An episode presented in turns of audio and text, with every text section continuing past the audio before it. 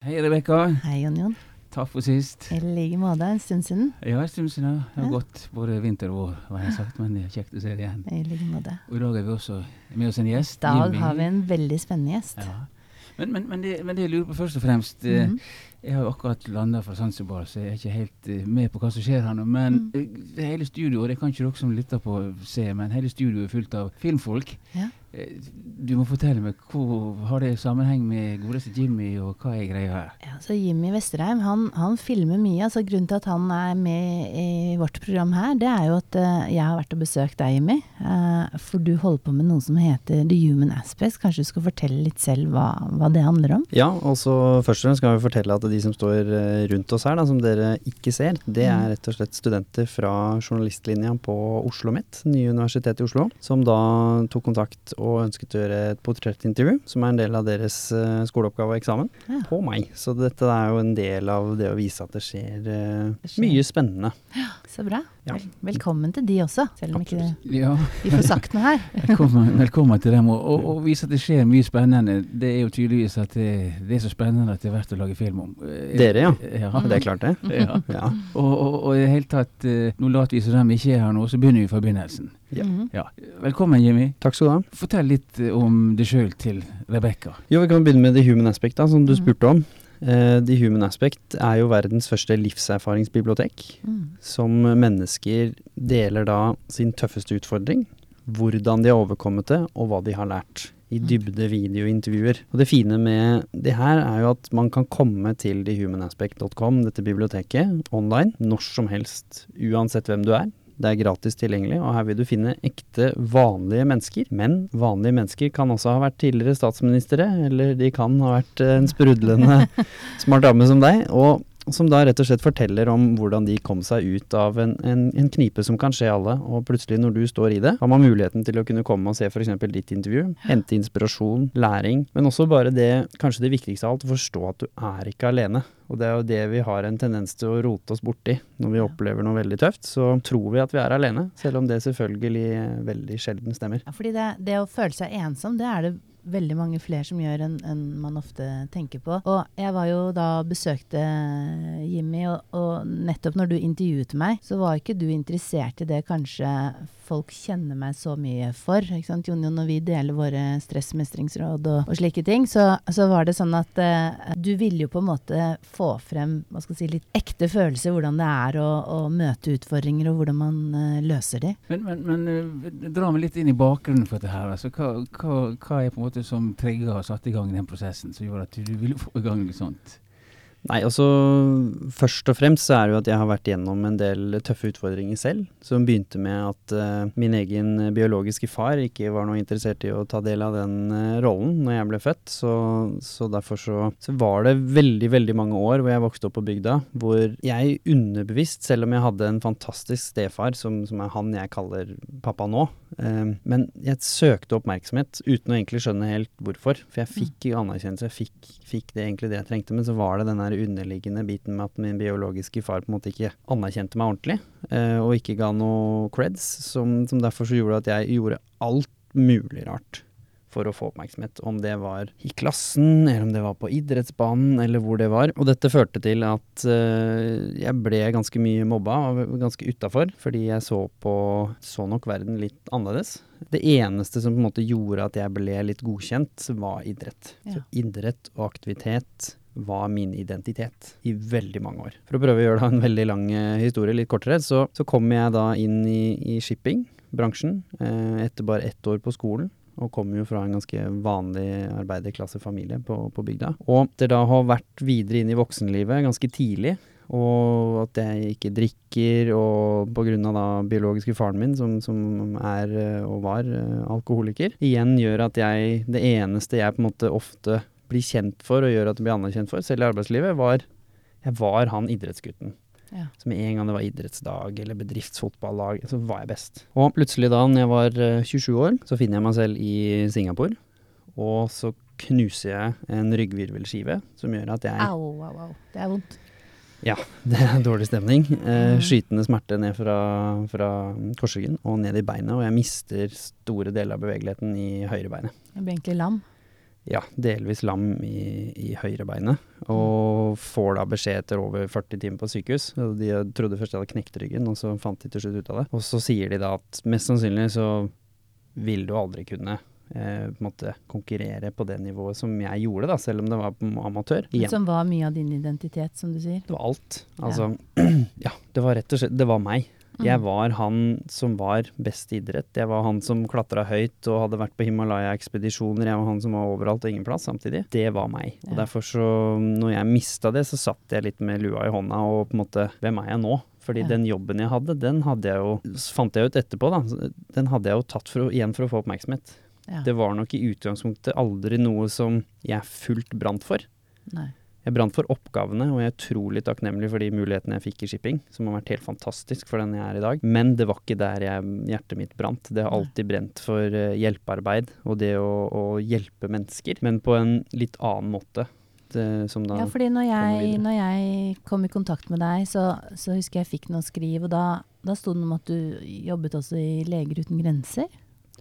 Fra shipping til Leger uten grenser, er ganske stort skritt, da. Mm. Altså, det blir en motreaksjon. Jeg satt der i Singapore, ryggen knust, identiteten fortapt, og så har jeg da seks måneder med rehabilitering i Singapore, hvor jeg mm, holdt på å si får litt mye fritid til å tenke over meg selv.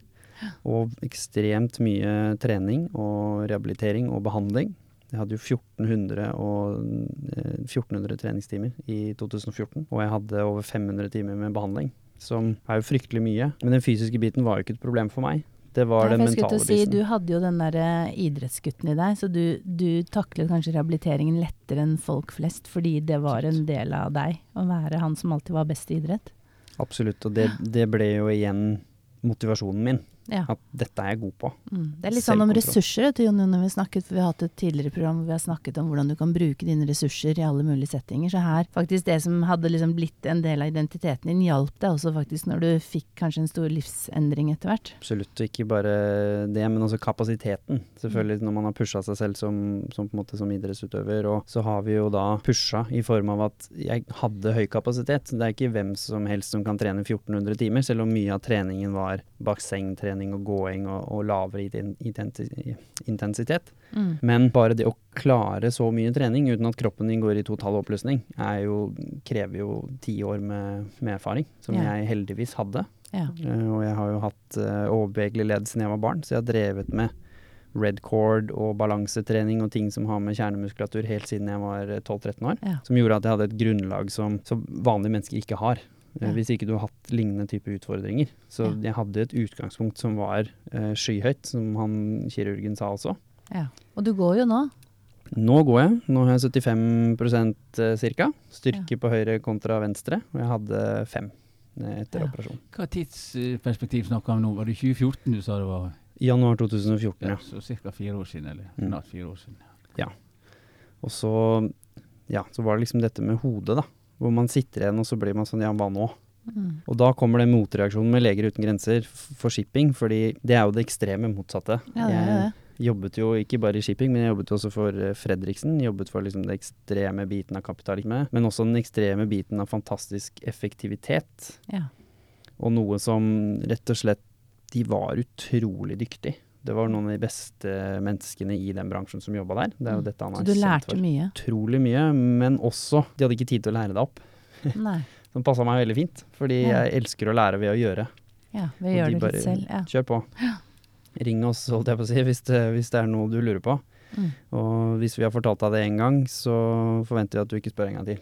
Så det var litt sånn, sånn Ja. det var. Og det passet meg perfekt. Det, var, det var der jeg virkelig pusha. Men når jeg da Det bruddet, hvor jeg skjønte at ok, nå må jeg være ute av shipping lenge, mange Ja. måneder, eh, kanskje et år, for å komme meg tilbake, så hadde jo jeg planlagt om et par år å slutte og begynne med noe annet. Mens nå ble det jo da sånn at jeg slutter jo ikke nå et år, og så begynner jeg shipping i to år igjen, og så slutter jeg igjen. Det blir bare rot. Så Så så, da var det det litt timingen. Ja. Da var Leger uten grenser noe jeg har jo fulgt i ti år. Jeg har jo hatt tre fadderbarn, jeg hadde besøkt to av de. Jeg har jo hver eneste ferie de syv årene jeg jobbet i shipping, dro jeg til et annet land. Til Nepal, til Ghana, jeg har bodd litt overalt. Jeg Ja. jobbet på barnehjem, eh, besøkte fadderbarna mine med plan. Og gjorde disse tingene som gjorde at jeg visste at det var humanitært arbeid jeg brant for. Ja. Og Leger uten grenser har vært en organisasjon som jeg har skjønt er liksom midt i der det skjer. Det er der du kan kanskje lære mest. Og Plan og Unicef og de andre, de har ikke noen internasjonalt ansatte som jobber i de andre landene. Mens Leger uten grenser har jo rundt 100 stykker fra Ja. Norge som blir sendt hvert år eh, til forskjellige land. Så da søkte jeg der, mens jeg da var i rehabilitering. Og fortsatte da å fullføre deltidsutdannelsen min da i, eh, på BI. Fordi jeg ble jo tatt ut av skolen etter bare et år og headhuntet av dette selskapet. Så jeg hadde jo ikke fått fullført eh, bacheloren min. Så jeg begynte jo på en ny en under den perioden her. Og så Afghanistan i et år. Oi. Første oppdrag. Leger uten Jeg grenser. likte en reise, Jonny. Ja, fantastisk. Ja. Ja. det er herlig å høre. Og det som er herlig å høre, det er at det, du kan gå fra den overkapitalistiske verden inn i en mer medmenneskelig verden. Ja. Og medmenneskelighet etter hvert blir hovedpunktet, fokus i livet, i forhold til det som du trodde var det som var verdien. Men så Mhm. finner du den andre verdien, og bidrar til at andre folk får det bedre. Mm. Det Og så er en det jo reise. Det er jo grusomt å oppleve sånne smerter og sykdom som du har gjort, men samtidig så har du jo virkelig også kjent på hvordan du kan bruke dine ressurser fra idrettsgutten i deg. Og jeg tenker også litt når du snakker om disse fadderbarna, når du snakket om når du vokste opp. Altså, jeg tipper du er ganske god på å se barn. Jeg har alltid jobbet med barn, spesielt Mm, innenfor idrett. mm. Jeg, altså, vært utrolig morsomt å Mm. jobbe med de. Det og kanskje se det barnet som føler seg ensomt også. Altså. Ja, og jeg forstår nok kanskje barn litt lettere. Mm. Eh, jeg er jo kjent for å være veldig nysgjerrig. Nå ser ikke Mm. de som hører på det, men jeg har jo en uh, apekatt uh, på, på armen, som er jo identitetstatoveringen min, på en måte, som kjenner til meg. Yeah. Fryktelig nysgjerrig. Uh, ting som er nytt og annerledes, er nok mer spennende enn at jeg blir redd. Yeah. Og det er jo derfor det valget med å slutte i shipping og gå til Afghanistan, det tok jeg forferdelig enkelt. Yeah. Fordi det var bare spennende. ja. Så det var litt sånn det, Mammaen din må, hun må jo virkelig ha tenkt sånn du, liksom Fra at hun, han starter på BI til at han ender opp i shipping før han er ferdig med bachelor, og så er du plutselig i Afghanistan. Jeg bare tenker liksom, Siden jeg er mor selv, så liksom, eh, det, det er mye som skjer. Men, men fra Leger uten grenser til The Human Aspect, fortell, hva, hvor kom ideen til The Human Aspect? Den, kommer, den har nok vært med meg i ti år. Jeg har som sagt eh, vokst opp og hatt et litt annet tankesett. Jeg har aldri forstått hvorfor mennesker ser på mennesker som annerledes. Nei. Når jeg så da den første somalieren han som flytta til Hurum, der hvor jeg kommer fra, så var det bare kjempespennende. Ja. Altså Det var ikke rart eller annerledes eller skummelt for meg, det var kjempespennende. Jeg håpa at han var god i fotball, så, for jeg hadde jo Ja. hørt og sett på TV at liksom veldig mange fra, fra Afrika var gode Var i fotball. gode fotball ja. Mhm. Til min store skuffelse så var kanskje ikke somaliske fotballspillere kjent for å være så gode, så han, han var ikke så god. Men Men du var veldig åpen. Ja, og, Ja. Det, og det var spennende. Og jeg Ja. lærte at han har en gutt han òg, som Ja. er uh, redd og som er nysgjerrig, og som har positive og negative Mm. ting som skjer i livet hans. Og, og Der sier du noe viktig du sier som også er redd. Det er jo mange som ikke tør å vedkjenne seg at man er redd, men jeg som håper å si, med min faglige bakgrunn og den knalla realisten som jeg alltid er med åpen sinn, det å kjenne på, på redsel, det er, det er eh, kjempesunt. Det. Fordi hvis du ikke kjenner deg redd, så, så har du egentlig ikke noe kontakt med følelsen. Og da kan du på en måte Altså det at man kan være fryktløs, betyr ikke at man ikke kan være redd av og til. Uh, så det var jo sånn som når jeg fortalte Han er så god, vet du, når han intervjuer. Han fikk meg til å si alt jeg egentlig ikke hadde tenkt å si, som jeg aldri deler med noen. Som jeg aldri får frem. Ja, altså Han fikk jo til og med det, altså min frykt for å ligge i mørket. At jeg noen ganger har min nattvandring rett og slett bare for å høre pusten til andre, for å høre at det andre er der. Det er det som er så bra med deg. Altså, du er jo en brobygger. Du får jo til og med en stressmestringscoach til å innrømme at hun er mørkredd hvis ikke jeg får høre noen puste. Så, så der tenker jeg at uh, du har jo noe eget der, Jimmy. Jeg har hatt eh, evnen som barn til å, å få folk til å åpne seg. Mm. Og det var jo der, når denne den søken etter hva gjør mennesker til mennesker, har Mm. fulgt meg hele livet. Jeg har vært og bodd og jobba i over 50 land. Snakket med mennesker. Det er jo det jeg alltid gjør. Ja. Selv om ikke vi snakker samme språk. Snakke med de, kommunisere med de, prøver å lære og se hvor kommer dette fra. Hva er det, som, hva er det som gjør oss til noe annet enn en dyrene, da, f.eks. Mm. Og der kommer jo plutselig ideen i Afghanistan med at det er jo livet, og du kan ikke be deg vekk fra livet, du kan ikke betale deg vekk fra livet, Du, du kan ikke rømme fra livet. Livet kommer uansett. Ja. Og noen ganger er det Og- urettferdig. Veldig ofte er det urettferdig, og Ja. du får utfordringer, men de utfordringene lærer deg noe. Mm. Og det er kanskje det mest fascinerende med the human aspect, er at spørsmål nummer tre, hva har du lært? Ja. Sier kanskje 90% at det har de aldri tenkt på. De har gått gjennom utfordringen, endelig, ferdig. Kreftfri, du har endelig klart å leve med noe, eh, du fikk tilbake jobben som du hadde mista, skaden har grodd, altså hva nå enn det er, depresjonen er over, og så er vi ferdig. Og så, Ja. åh, så deilig. Nå snakker vi ikke mer om det her. Nå putter vi den i boksen, og så kaller vi det fortid. Men da har du jo gått gjennom et helvete uten å få med deg noen ting. Mm. Hvis du ikke reflekterer over hva lærte jeg nå, det er jo gullet her. Det er jo den ene tingen du kan ta med deg ut av den sumpa der. Du fant en gullklump Ja. oppi sumpa, og den kan du ta med deg ut hvis du vil. Mm. Og den vil jo definere hvem du er når du går videre. Bevisst eller underbevisst. Mens er du underbevisst, så går du bare med en grå stein i lomma som du ikke kan selge. Ja, og den skinner ikke så mye som den kunne. Nei, men så er det bevisst. Så er det plutselig en gullklump Ja. som du kan selge, og da mener jeg selge i form av at du faktisk kan bruke den igjen Ja, det, det er jo det som er interessant, vet du. Du må gå inn og se, Jonny, for man går inn, det er på en webside man går inn. Hva, hva, hva er uh, hjemmeadressen? Det er thehumanaspect.com. Det er ja. verre enn det. Det er når det er .com, da er det internasjonalt. Da er det ikke .no, da er det internasjonalt. Fordi du har intervjuet ganske mange, Jimmy. Hvor mange er det du har intervjuet cirka nå? Det er 250 forskjellige mennesker fra 67 forskjellige land. Er ikke det kult, eller? Ja, det er kult. Ja. Imponert. Jo, takk. Så er det jo ikke noen sånne småintervjuer heller. Det er jo ferdig redigert fra 15 til 45 minutter. Ja. Så det er ikke noen sånne inspirerende videoer. Det er ikke noe galt med det, men dette er jo videoer som er pedagogisk bygd opp for å kunne hjelpe mennesker til å ta første steg ut av sin egen utfordring. Vi er jo anerkjent av masse psykologer, og av E-helsedirektoratet har jo liksom anbefalt oss til folket i Norge, så Mm. dette er noe annet. Ja, det er jo det. Altså, nå har jo jeg både da vært intervjuobjekt der, eh, og ble litt sånn satt ut fordi jeg sa ting jeg egentlig ikke hadde tenkt at jeg skulle si, som jeg kanskje bare har sagt til kjæresten min. Eh, men, men etterpå så tenkte jeg at dette er jo egentlig genialt. Altså, det, er, det blir jo noe veldig ekte. Eh, og det som jeg syns er veldig viktig, som jeg har veldig tro på, enten det er at du finner resultater i forskning eller gjennom møte mellom mennesker, altså det skaper håp.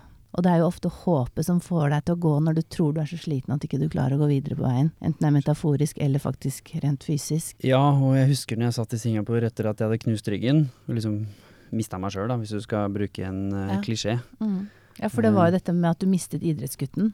Mista alt. Mista jobben, mista Ja. idrettsgutten. Satt der aleine, uten familie, uten venner. Altså, I min verden så mista jeg alt Ja. eh, samtidig. Og så sitter jeg der, og så tenker jeg at jeg hadde gitt hva som helst for å snakke med noen som bare kunne sagt til meg at det kommer til å bli et helvete. Det kommer til å bli vanskelig. Det kommer Mm. til å kreve mer av deg enn noen gang. Men det kommer til å gå bra. Ja. Jeg satt der i den stolen jeg for tre år siden, to år siden, fem år siden, ti år siden. Fett samme hvor lenge siden det var. Men Mm. nå går det bra. Ja. Det kunne ingen andre enn si. Fordi jeg hadde ingen i familien eller kretsen som, som hadde vært gjennom noe lignende. Og legen kunne bare hoste opp noe statistikk, Ja. som var fint, det. Og kanskje behandle deg medisinsk, men Ja. ikke se hele mennesket. For det er jo det Jon Jon, vi er jo opptatt av å se hele mennesket. Ikke bare komme med fakta, men se hele, hele mennesket. Men jeg tenker, det du egentlig sier, er at det du har skapt nå med disse intervjuene og dette biblioteket, som på en måte hvem som helst kan gå inn på, er det, må man betale, eller er det gratis, eller hvordan er det? Det er helt gratis. Ja. Uh, og dette er jo en stiftelse som står bak, The Human Aspect, som, mm. som jeg og teamet har etablert. Og det er jo hele tanken. Her skal man bygge opp en, en organisasjon som selvfølgelig er nødt til å tjene penger, og som er nødt til å ha støtte og finne andre måter å få inntekter på. Mm, For der skal jeg til å si, det er så morsomt at du sier det. Fordi i sted, vet du, Jon, når du sa fra kapitalisme til Leger uten grenser. Jeg har jo jobbet mye i kreftlandskapet og Helse-Norge og, og slike ting. Og jeg husker en god venn av meg, altså Ida Kreutzer, som den gang var konsernsjef i Storbrann. Og nå er han vel eh, leder i Finansforbundet. Og det han sa til meg, det var liksom at husk hver gang du skal hjelpe noen, så må du ha noe som går rundt. Ikke sant? Altså du må ha en økonomi som gjør at det er mulig å holde på med det, at det ikke bare blir et sånt hyggelig blaff. Det er så mange som vil ha sånne hjelpeprosjekter, og så føler alle at de får god samvittighet hvis de støtter det litt, og så er det liksom masse medier som tar det, og så ble det stille. Og så har du egentlig sviktet de du skulle hjelpe. Og det at du sier det, det er i hvert fall meg som er en knallhard realist, som tenker sånn yes, hvis du på en måte har det i bakgrunnen også, så høres det ut som dette her er noe som kan vare veldig lenge. Dette skal vare i evigheten. Ja. Og jo større Altså, The Human Aspect er ingenting hvis folk ikke vet om det. Nei, for hvordan skal folk vite om det? Altså nå er det jo her, eh, og det er ikke tilfeldig. Det er jo fordi jeg, jeg støtter denne mannen. Eh, så jeg tenker vi kan gjøre det vi kan for å, for å bidra at folk får vite om det. Men hvordan er det dere liksom organiserer og planer om hvordan folk skal få vite om dette? nå har man helt siden starten bygd opp um, en strategi både rundt at historiene må være gode, de må Mm. kvalitetssikres. Og ekte. og ekte. Alt dette her er nå på plass. Vi Ja. har 200, over 200 som, som er det. Ja. Av de over 200 så har vi kanskje 50-75 av de som er enten lokalkjent, altså litt som deg, ikke sant? Mm. som er kjent nasjonalt og lokalt i dine kretser. Og vi har Kjell Magne Bondevik, som er kjent overalt i hele Ja. verden. Og vi har toppidrettsstjerner fra verden som med tre OL-gull og liksom som, som har sin følgerskare. Og så har vi ungdommer som er veldig kjente Mm. i sosiale medier, som har stilt opp. De er jo rollemodellene her. De må gå foran. For de som vi snakket om i stad, det er stigma rundt mental helse. Det er stigma rundt disse tingene, og tørre å snakke om at du er redd og, og dette her. Mm. Og nå slippes dette her, Ja. samtidig. Altså Kjell Magne Bondevik ble jo sluppet på søndag. Ja. Uh, ja, for det har begynt å slippe nå. Ja. Vi har jo vært åpne i halvannet år og blitt Mm. testet i Mm. over 120 land, eh, men smått. Ja. Med vilje. Litt Ja. sånn i skyggen for å sjekke at det funker som Ja. det skal, og rette opp i alle barnesykdommene og ting som, som Ja, for jeg utfordrende. fikk jo også sett et klipp fra min venninne Mia Gundersen. Mm. Som også var sånn, Det var det Jon Jon som gjorde at jeg faktisk stilte opp. Fordi jeg tenkte ja ja, man blir jo spurt om å være med på litt forskjellig. Og så tenkte jeg liksom ok, fortelle din personlige historie. Og det kvier jeg meg egentlig litt for. Jeg syns det er mye lettere å fortelle om forskning som hjelper deg. Men så når jeg så det intervjuet med Mia, så var det liksom sånn Og fordi jeg også kjenner henne, så tenkte jeg du er god, altså. Det, altså. Du får frem noe. Så, og det tenker jeg litt sånn, for vi har jo nå noen eh, journaliststudenter her som filmer. Det at du så bevisst tenker både å ha med kjente, ukjente, men også Jeg så det, det var så interessant. Jeg følte meg veldig ung skjønner når jeg var og besøkte Jimmy. Og alle som jobbet der, var unge. Så jeg tenkte hvis ingen liksom ser meg, så er jeg liksom en av de unge. Og du er liksom bevisst på å bruke Altså, jeg føler også at du lærer opp de som vil inn i journalistyrket til å gjøre, bruke det til noe fornuftig. For det er, det er en kampsak for meg. For grunnen til at jeg gikk fra labbenken til å faktisk skrive helseserier og på en måte gå ut selv, det er at det var veldig mange journalister som bare skrev crap, for å si det rett ut. Og i hvert fall innen mitt felt, som er life science og forskning. Mm.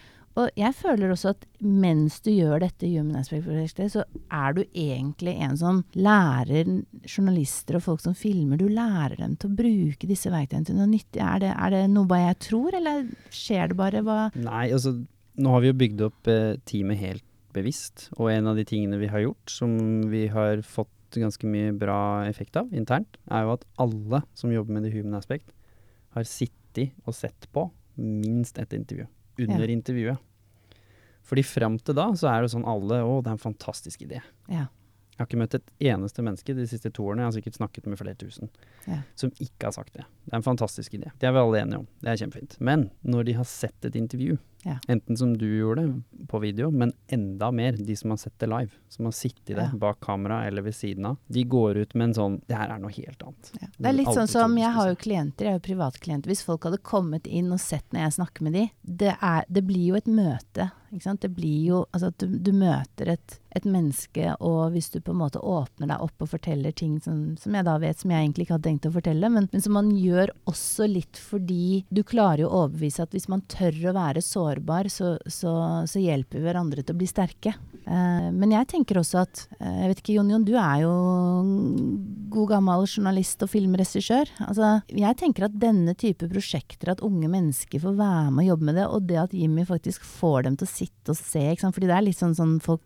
Mange vil nesten se bort når man snakker om noe som er så sårbart eller utfordrende. Eh, jeg tror det er en kjempeviktig jobb, og hvis man ser på Media-Norge i dag, så sliter de på alle mulige måter. Eh, og alle kan ikke skrive om sport. Det er vel noen som husker ikke om det var NRK eller hvem det var som skulle fjerne gravejournalister og bare satse på sport, og det er greit nok, det, man kan banne i kirka, men, men jeg tror det er viktig at man får journalister som faktisk formidler noe som er meningsfullt. Klart det.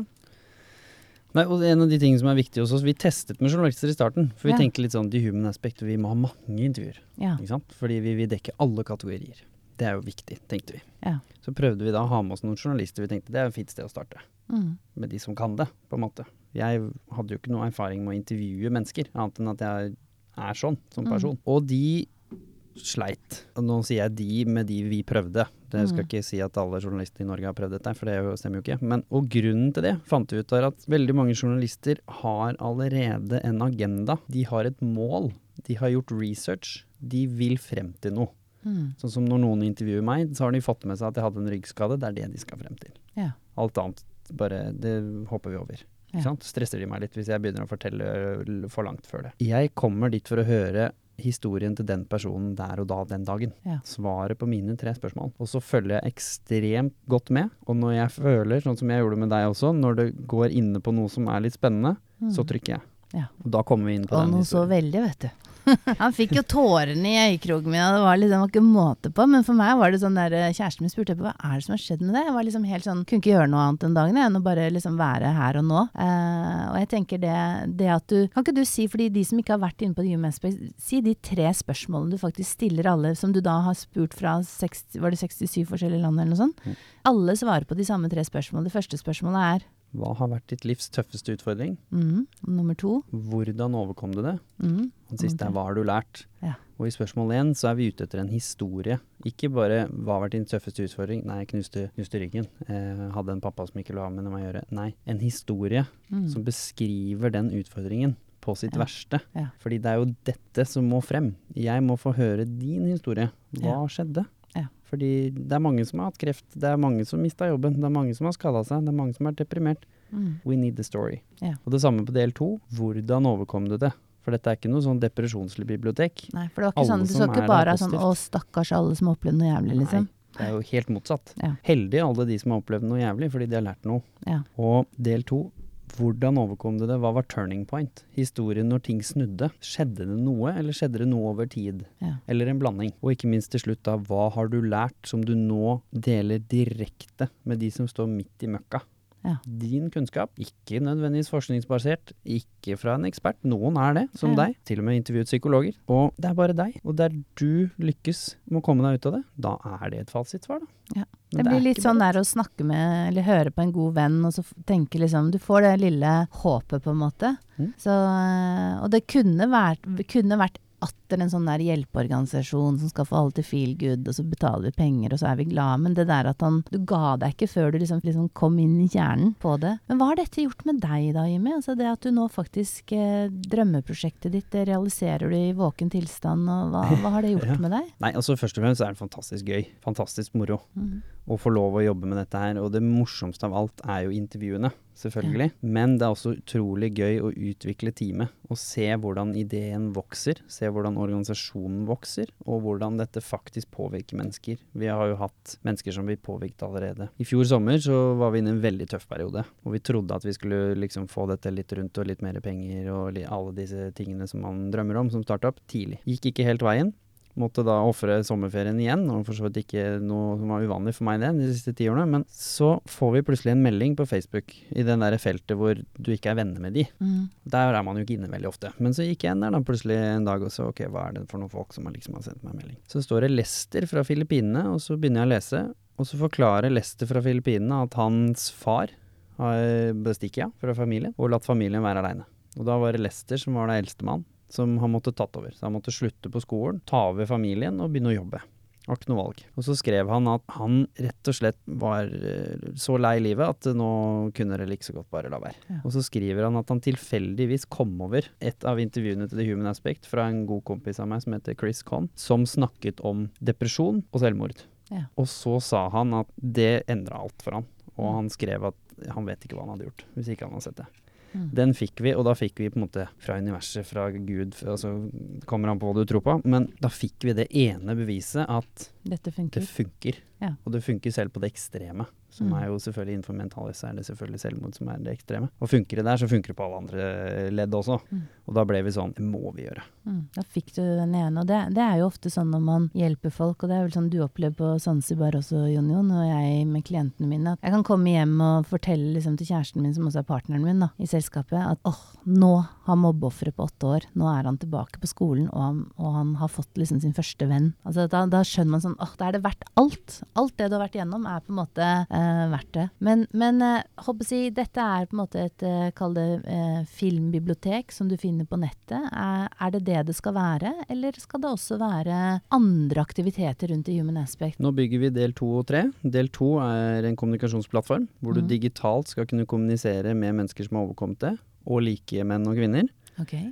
Og du vil også finne profesjonelle som er villige til å tilby tjenester gratis over Ja. digitalt Så det er noe man på en måte gir. Som at hvis vi i Livslivsmotivasjon sier at ok, en dag i uka eller uken, eller sånn, så kan vi svare ja.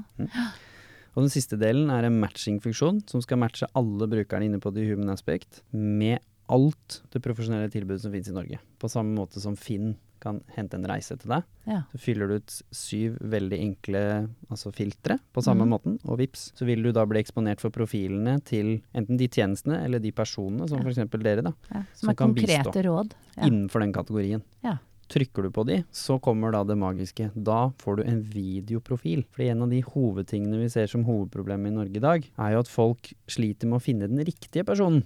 Ja. Fordi som psykologene veldig mange sier selv, 75% handler om connection. Ja, det er kjemi. Det er det faktisk av. forskning, hvis jeg kan komme inn på det. Hvis du får den tilliten mellom den som trenger hjelp og den som gir hjelp, så øker jo sjansen for å få gode resultater. Selvfølgelig. Og her roter vi bort enormt med ressurser i Norge. Hvor Ja. folk prøver seg fram.